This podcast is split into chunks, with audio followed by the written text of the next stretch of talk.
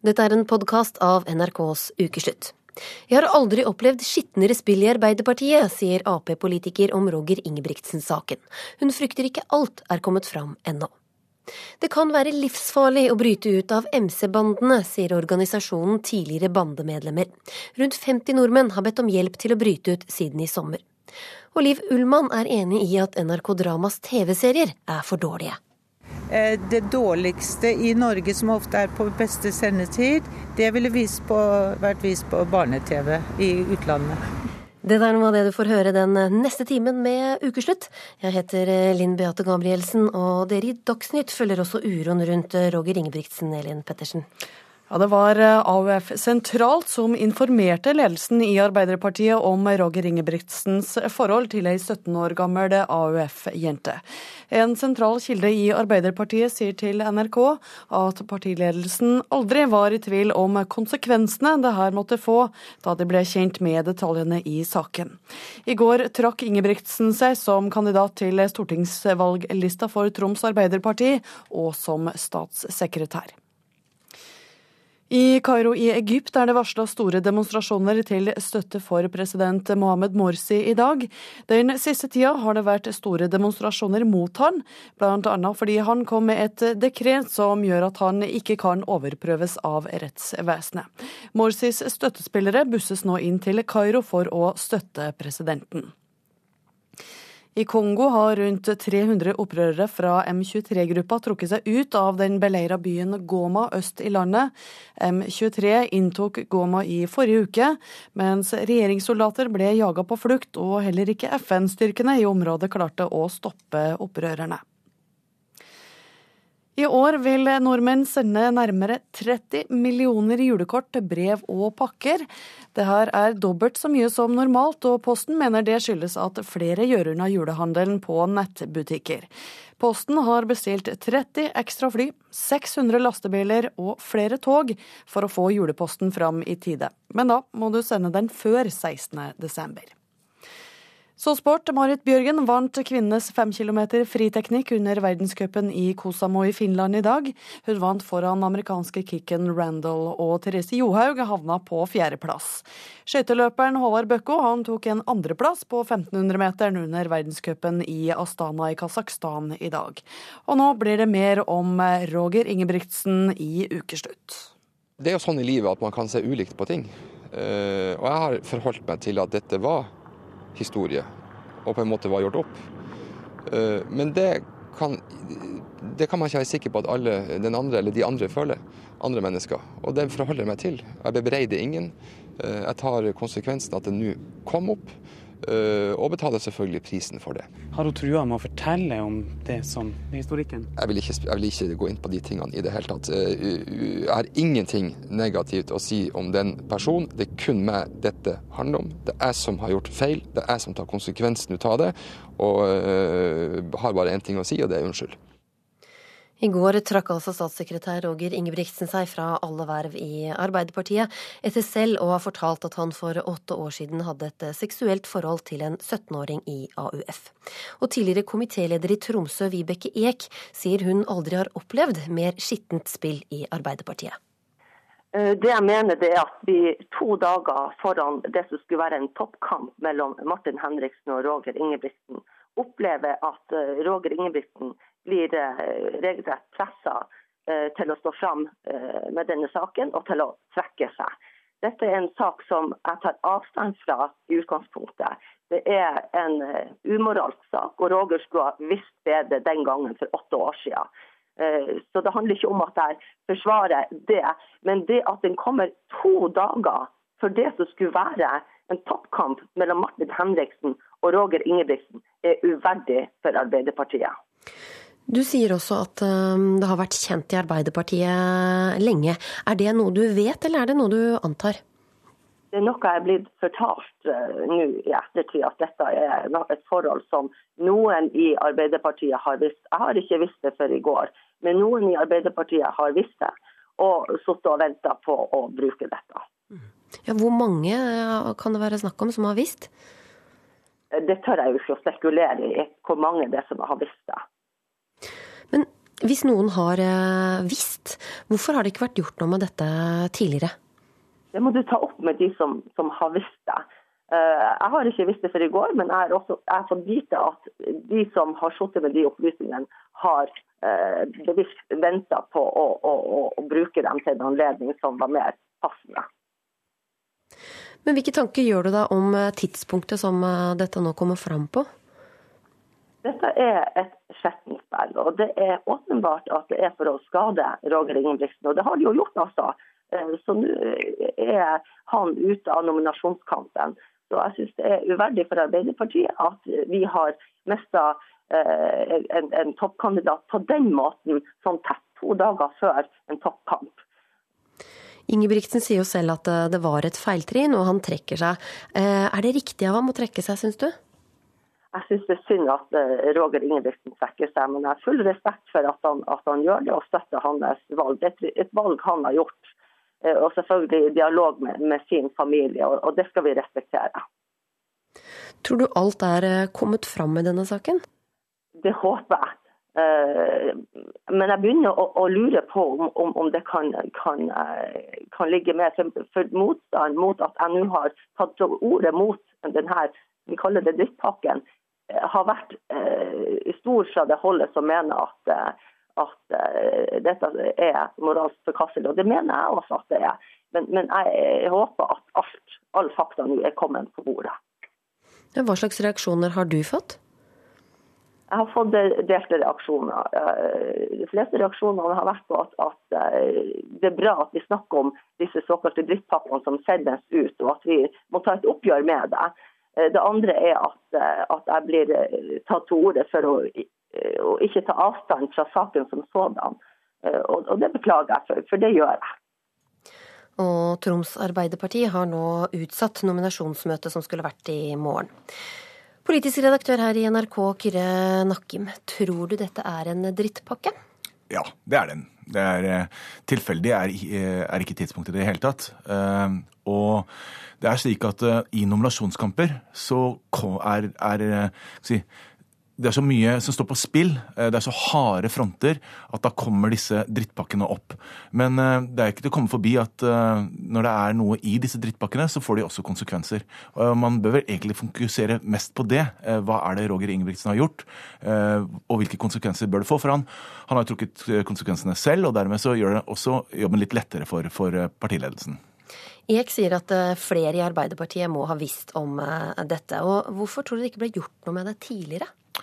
Etter hva vi forstår, så, så, stemmer det at det er flere i partiet som har visst det. Vi vet ikke på hvilket nivå og, og hvor sentrale alle disse skikkelsene har vært. Og det er vel det som, som, journalistikken kommer til å handle om nå den nærmeste tiden. Eh, jeg tror at litt, noen har sett på dette som et litt rart kjærlighetsforhold, men dog akseptert det. Og så kan man alltid stille spørsmål om det Eh, er akseptabelt å, å se, bare se på det på den måten. Fordi en 37-åring og en 17-åring i partisammenheng eh, bør ikke ha den type eh, forhold.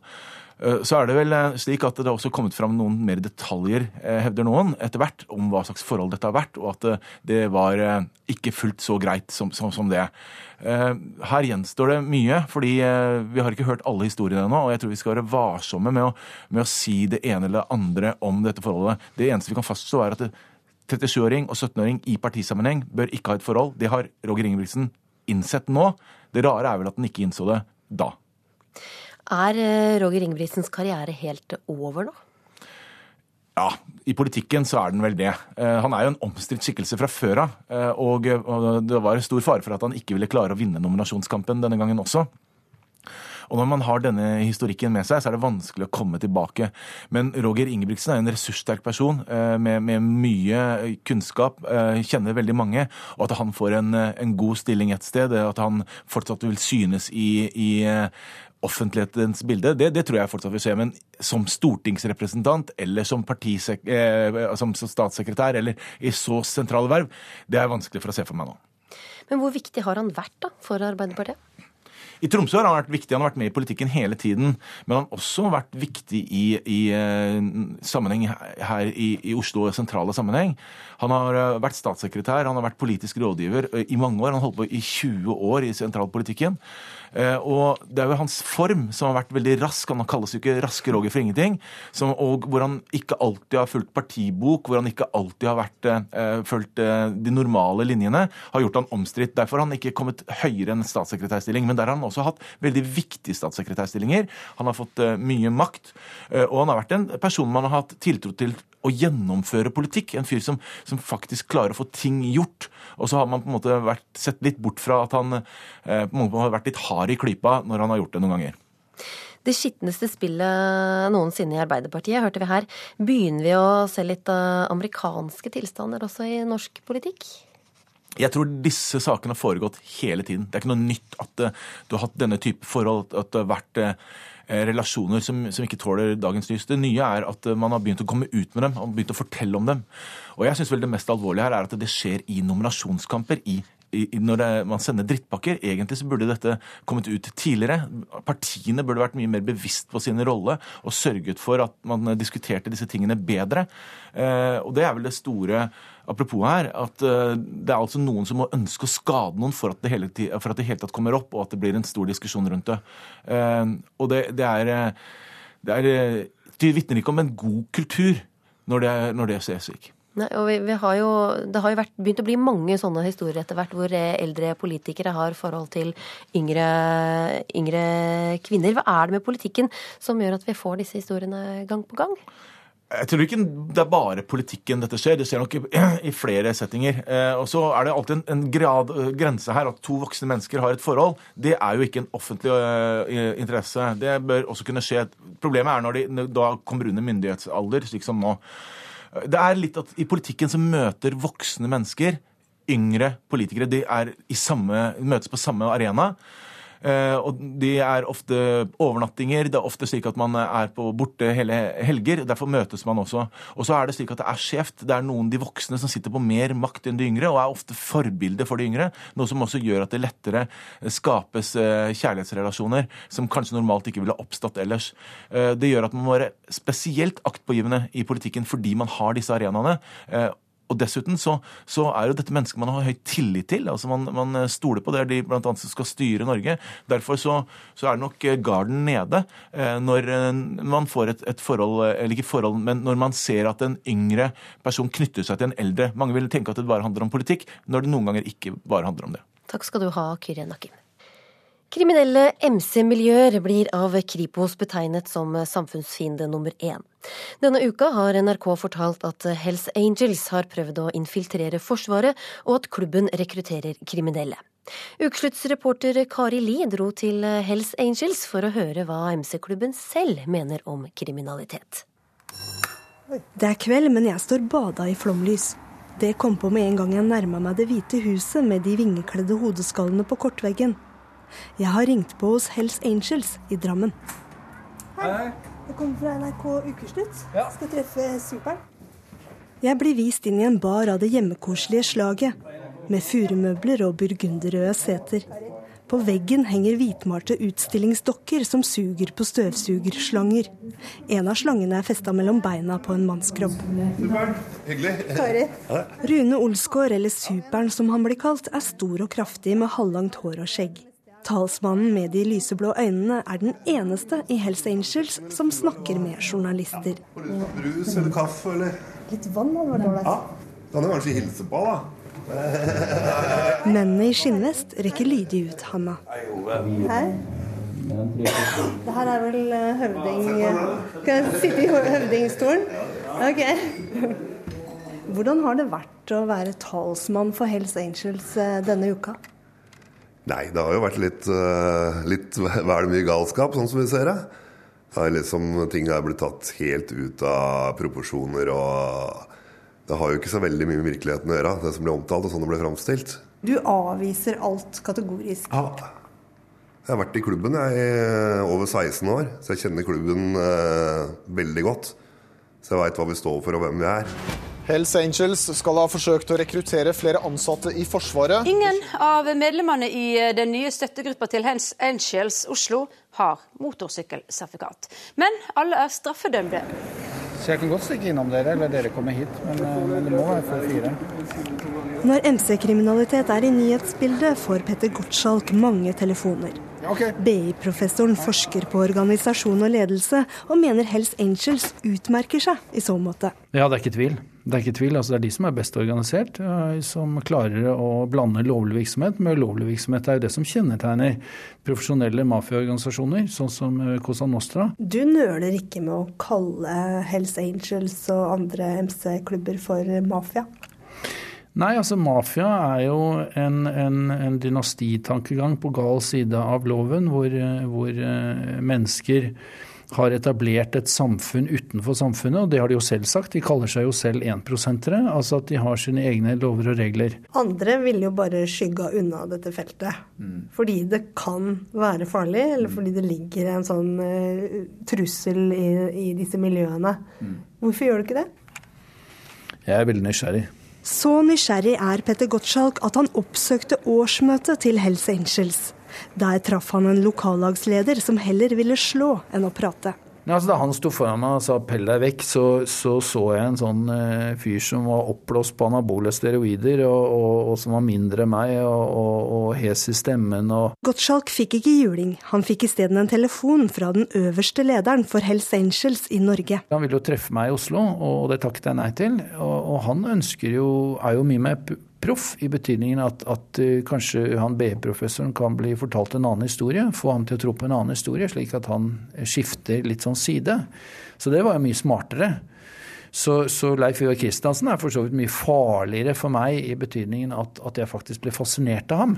En av gutta i klubben som er tatovør, som driver og lager litt forskjellige kunstverk. Og... Ukeslutt for en guida tur i klubbhuset i Drammen. Ja, personlig preg. I et hjørne står ei utstillingsdokke i trange klær med rumpa rett ut. Noen mener jo at Hells Angels og andre 1 %-klubber burde vært forbudt. Hva slags nytte har Norge av at dere er der? Nei, jeg vil tro det at uh, med det fellesskapet og liksom den lojalitetsfølelsen og den respekt som vi viser overfor andre, og ikke minst uh, jenter som har tilknytning til klubben, er liksom, Om det er ei jente som har sovnet på en sofa i klubbhus liksom drita full, så våkner hun der eh, med en hangover, liksom. Men ikke noe annet enn det. liksom. Det er en, en stor respekt for, eh, for individ og overfor andre. da. Men mener du det er feil å framstille det sånn at eh, det er en del kriminelle i Hells Angels? Nei, det folk har dommer og sånne ting fra tidligere. Og noen har gjort gærne ting mens de har vært medlem i klubben òg. Men kriminalitet det foregår i alle samfunnslag. Men altså, Politiet og Kripos og sånn, de ser jo på Hells Angels som en kriminell klubb. Altså som bedriver kriminalitet først og fremst. Hvorfor hevder de det om og om igjen? Det er for å skape det propagandabildet og det skremselsbildet. At ingen skal ha noe kontakt med oss, og at de skal bli isolert fra samfunnet. Og nå har vi hatt en paragraf 60 om organisert kriminalitet i ganske mange år. Og ingen i klubben har blitt dømt for det. Men det mangler ikke på forsøk fra politiets side. På nyåret skal Hells Angels-lederen i Oslo møte i retten sammen med sju andre, tiltalt etter mafiaparagrafen for narkotika, vold og trusler. Lederen i Hells Angels Norge er dømt for narkotika og trusler, men har anka dommen. Alle kan forbedre seg, alle kan gjøre feil. Og alle gjør feil. Det er liksom ingen som er feilfri i verden. Sånn med det der med å være kriminell, altså ha vært kriminell, fått en dom osv. Hvordan ser egentlig Hells Angels på det der? Vi ser på hverandre som en familie og prøver å oppføre, oppføre oss mot hverandre som en familie. Og Hvis det er noen i familien din da, som gjør noe dumt, hva gjør du med han da? Ikke sant? Prøver å hjelpe han, eller kaster han ut i eh, ytterste kulde? Det er jo den gamle barnereklama at 'fortell meg hvem du omgås, skal jeg fortelle deg hvem du er'. Tidligere leder i Harley Davidson Owners Club, Kjell Arne Vole, prøvde å hindre Hells Angels i å etablere seg i Norge i 1992. Eh, jeg fikk en, eh, noen direkte henvendelser og noen anonyme trusler. Blant annet så fikk jeg beskjed om at dommer i Danmark følger veldig nøye med oss, og det kommer til å skje ting. De eh, statuerer eksempler, og så håper de at frykten henger i såpass at de kan gjøre omtrent som de vil. Rømningsveier skjer, og det er, ting er i orden, vet du. Ingen i Hells Angels Drammen vil bli intervjua, men de vil gjerne vise meg kjelleren.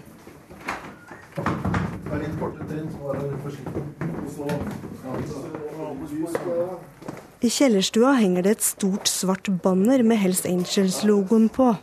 Et bilde forteller at 8-1, altså bokstavene H og A, er ustoppelige. I garasjen vegg i vegg blinker et titalls motorsykler. Tidligere medlemmer og andre som har vært i farvannet til Hells Angels, da, som sier til meg at de ikke kan si noe om Hells Angels, og at jeg heller ikke kan fortelle noen at jeg har snakka med de. Hvorfor har de en sånn innstilling, tror du? Nei, Det tror jeg ikke er folk som har hatt noen tilknytning til oss, for det er vanskelig for å tro. Hva har de folka å komme med av dramatiske ting som har skjedd dem, som har stått og kritisert oss i alle år? Det, er liksom, det, har, det har ikke skjedd dem fysisk nå, da. Har det det? Burde jo være noen eksempler da, etter eh, at Hells Angels har vært 20 år i Norge. Så burde det jo være noen eksempler på folk som har eh, følt det på, følt det på kroppen. Og jeg veit at eh, Ja, jeg tror ikke det hadde vært hvis det er noen som har hatt, hatt noen man ønska å si om oss, og hadde gått til f.eks. politiet og spurt om å få vitnebeskyttelse og ta vare på meg, så tror jeg nok det hadde vært ganske mange sånne personer som har dukka opp til overflata for å komme med sine ting, da, negative ting om oss. Og det har jo ikke skjedd. Organisasjonen TBM, tidligere bandemedlemmer, hjelper folk som vil ut av MC-bandene. I år har det også blitt startet en norsk avdeling av eh, organisasjonen. Og Jan Hansen, du jobber i TBM i Norge. og Hvorfor kan ikke politiet hjelpe folk ut av disse miljøene? Eh, det har vel eh, i all hovedsak noe med, med tillit å gjøre. Og veldig mange av de som vil ut av miljøet, er jo da kriminelle eller tidligere kriminelle. Så ja, det er vel en tillitssak, politiet og, og vedkommende mellom. Mikael Gren, du er leder for danske TBM. TBM. Ja. Hvorfor kan ikke politiet hjelpe folk ut av disse miljøene? Jamen det som Jan sier, det er jo spørsmålet om tillit. Det er jo at de her mennesker som er fra bande- og rockermiljøet, vi har jo også kjennskap til politiet og den måte politiet arbeider på. og øh, det er jo sånn at Politiet er jo satt til verden for å opprettholde lov og orden. Og politiet gjør jo ikke noe annet enn for å få noe igjen. Og de mennesker der liksom måske søker hjelp hos politiet, der forventer, eller forlanger politiet jo at man dessverre skal komme med noen opplysninger om sine gamle grupperinger. Og det, det de her mennesker har brug for, det, det er ikke å sitte og stikke deres gamle hva kan man si, såkalte brødre eller venner fra miljøet. Det er å få hjelp til å komme ut av miljøet. Det er ikke å få flere problemer. og det er det, det, det politiet skaper for de her mennesker. Jan Hansen, hvor mange nordmenn har henvendt seg til TBM? Det er vel Det er et godt antall. Ja. Men snakker vi ti personer? 50? Ja, vi, snakker, vi, vi snakker mer. Mm. Flere enn ti, altså? Det gjør vi i hvert fall. Mm. Flere enn 50 òg? Det er det omkring inntil videre, i hvert fall. Er det siden, siden den norske organisasjonen ble starta, eller er det siden den danske? Nei, det, det, det er siden den, den norske startet. Ja. ja det var, Så det siden var her i sommer en gang? Det er siden i sommer, ja, da TV 2 brakte et innslag. Jan Hansen, hva frykter de som vil bryte ut av MC-bandene? Det er jo det er frykt for represalier, frykt for familie, påtalemyndigheter osv. De, de står i en posisjon hvor de veldig sjelden er velkommen noe sted, og, og kanskje også har veldig dårlig rykte og uh, uvenner, fiender, rett og slett. Men hvor farlig er det da å bryte ut? Det kan uh, i noen tilfeller være veldig farlig. Livsfarlig, eller?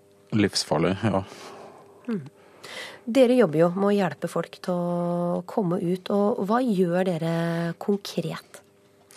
Først så Vedkommende tar jo kontakt med, med TBM og da elektronisk. Vi har, vi har ikke noe telefonnummer, alt ligger jo på internett.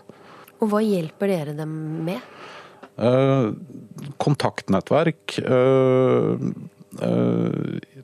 eventuelt identitetsskifte, et trygt sted å bo, oppholde seg for å komme seg vekk. Uh, veiledning.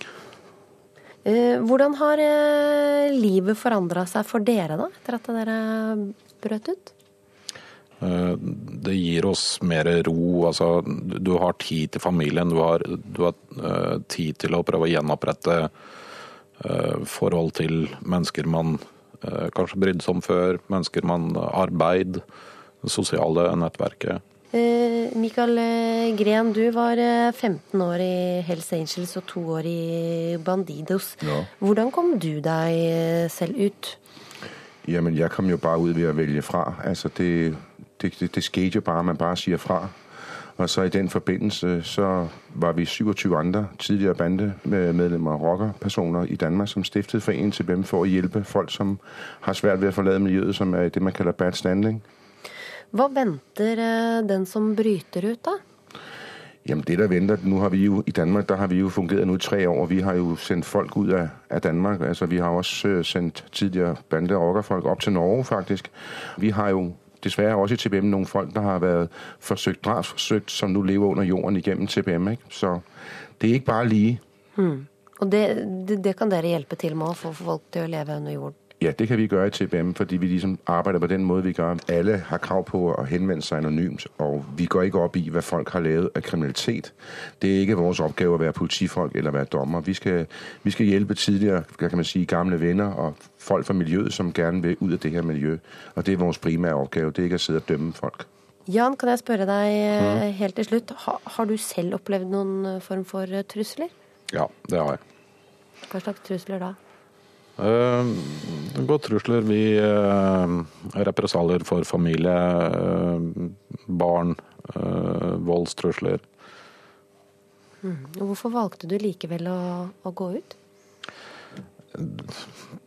Du, du, går lei, rett og slett, av å leve et destruktivt liv. Med masse uvenner og, og, og hele tiden må titte av ryggen og og være litt forsiktig med hvem du omgås. Men du, lever du trygt nå, da? Jeg lever trygt nå.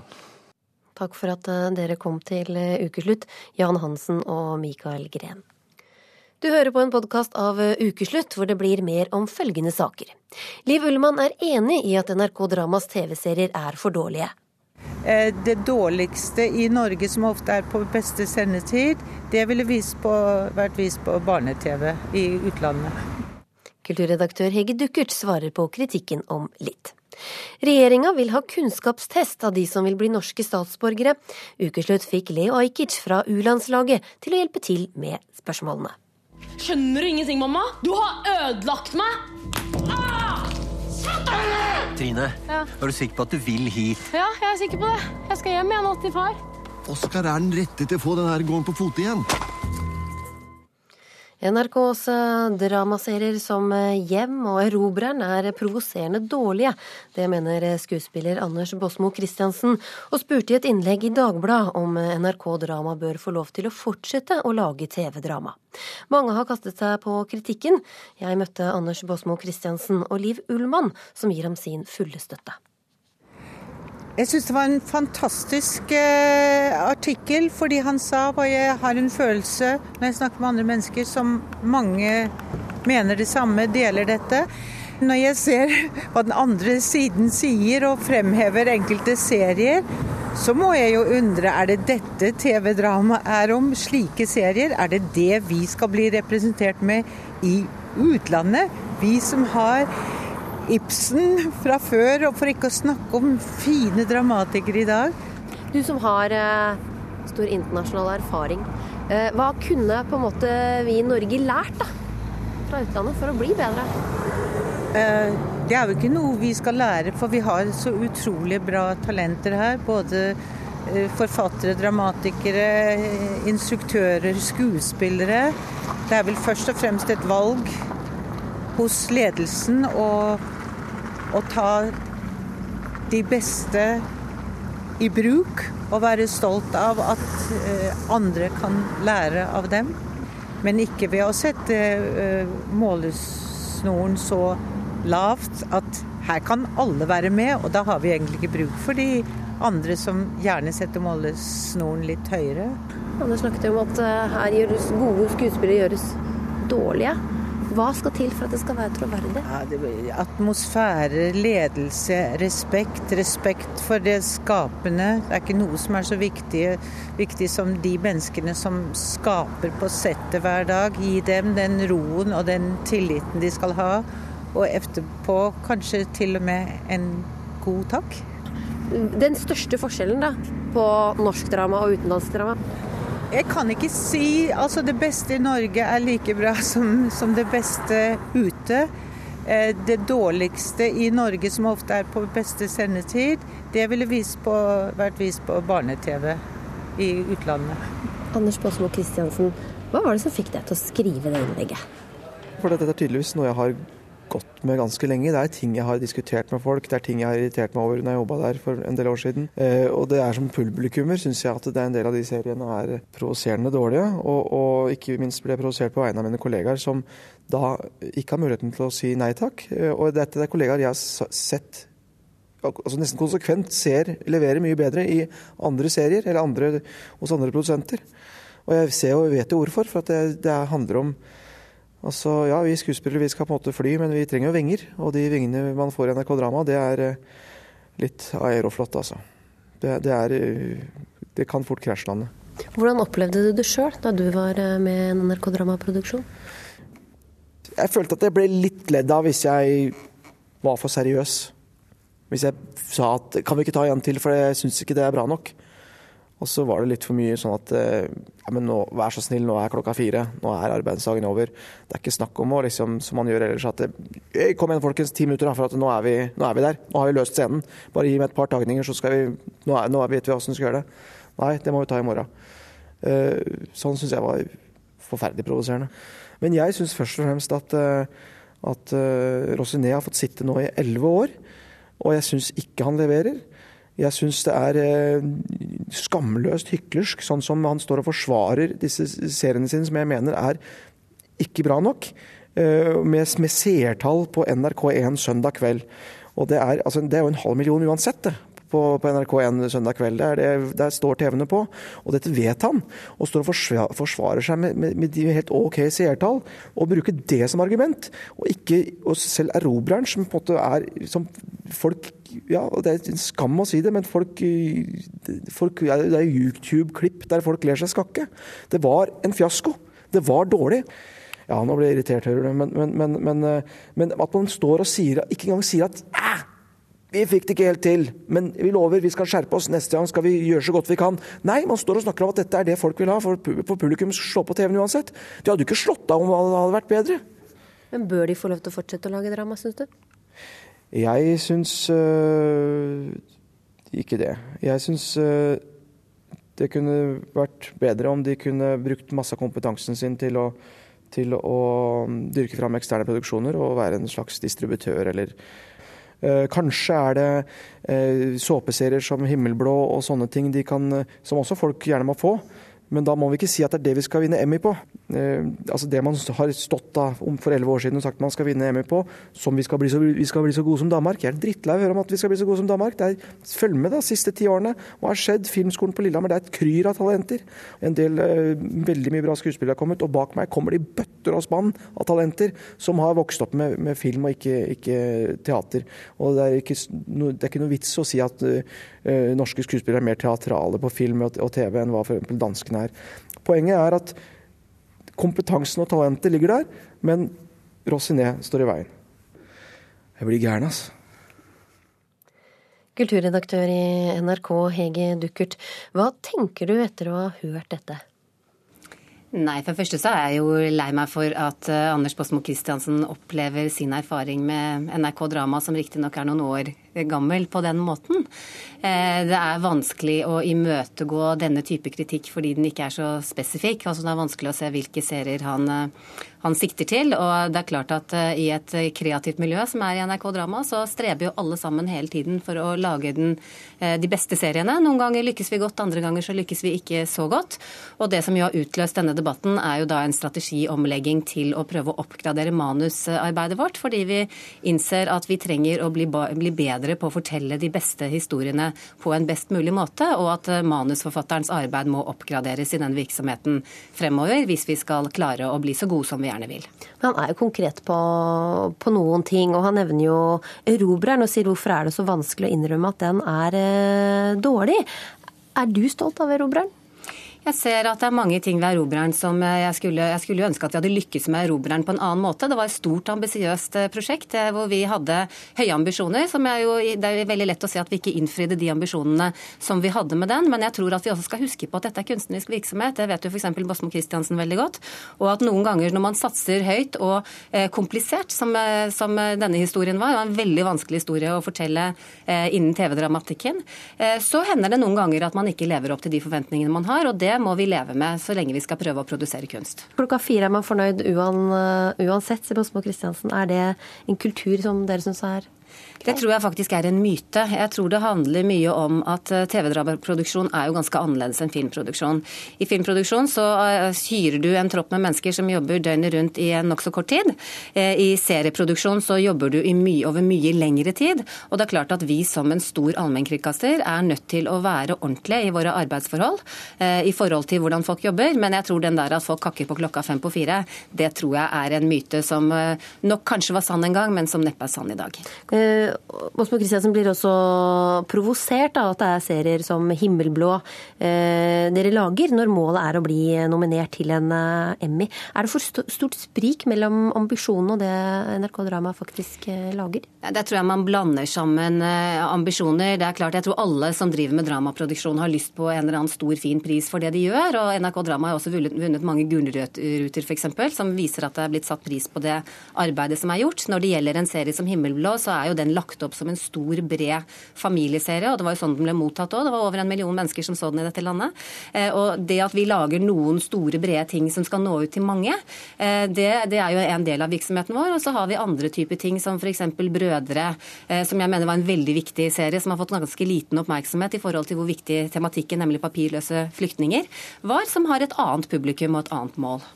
Vidar Kvalshaug, du er eh, kommentator i Aftenposten, og dere har kjørt en rekke kritiske artikler mot eh, NRK Drama den siste uka. Hva vil du si er problemet til NRK Drama?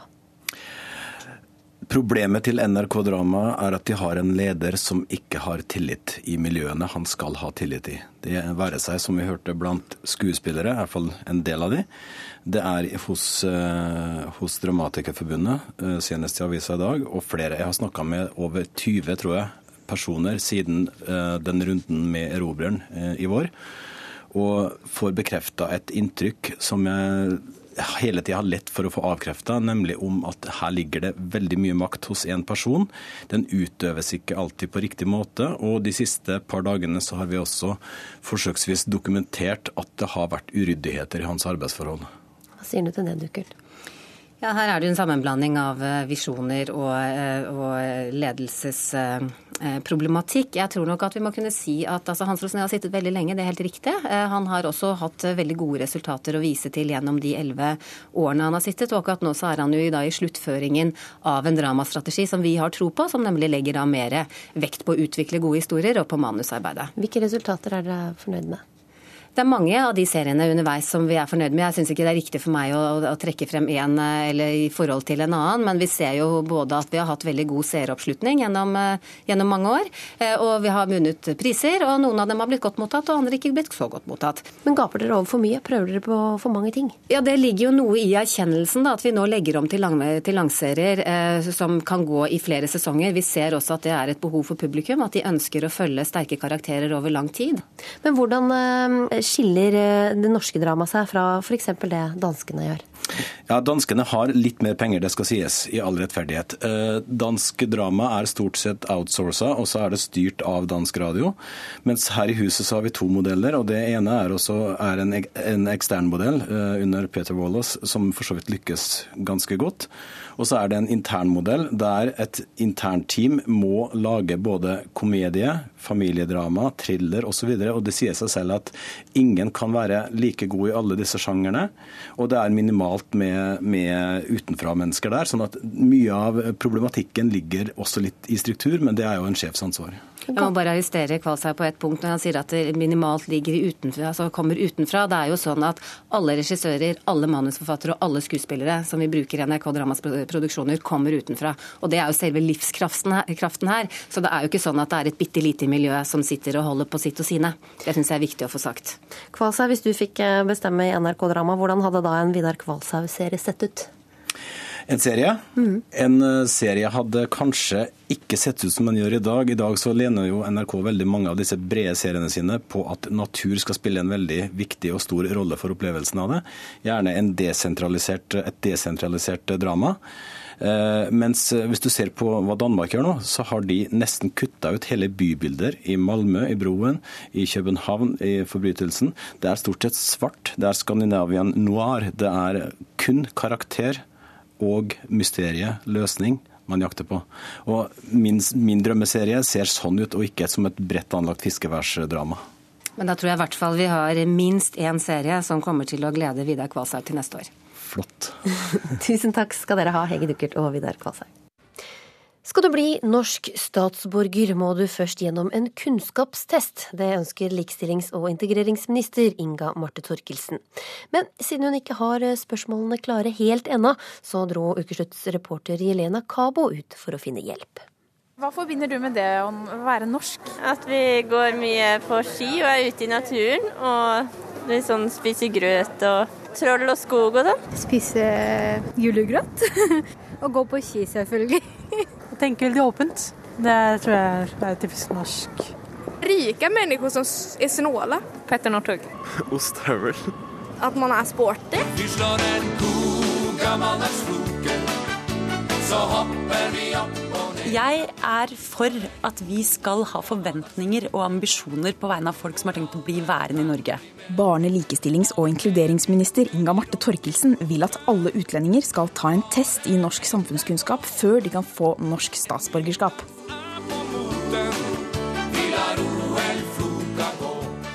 Hva man må kunne om norsk samfunnskunnskap for å bestå testen, er ikke bestemt enda. Det er ikke lett å finne ut hvilke spørsmål som er de rette å stille nye landsmenn for å finne ut om de kan nok om Norge. Testen har vi ikke utreda enda. Så er det nye nå at de kobles direkte til statsborgerskapet. Jeg dro til Leo Ajkic. Han jobber i TV-programmet U-landslaget på NRK P3, der hans jobb er å integrere utlendinger i det norske samfunnsliv. Leo kjenner både nordmenn og utlendinger godt.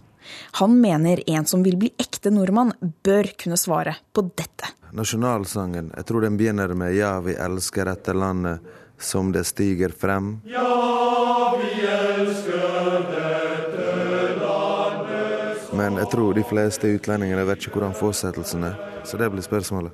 Ja, vi elsker dette landet. Hvordan fortsetter sangen? Med de tusen hjem som det stiger frem, furet vær blitt over landet med de tusen hjem. Som det stiger frem.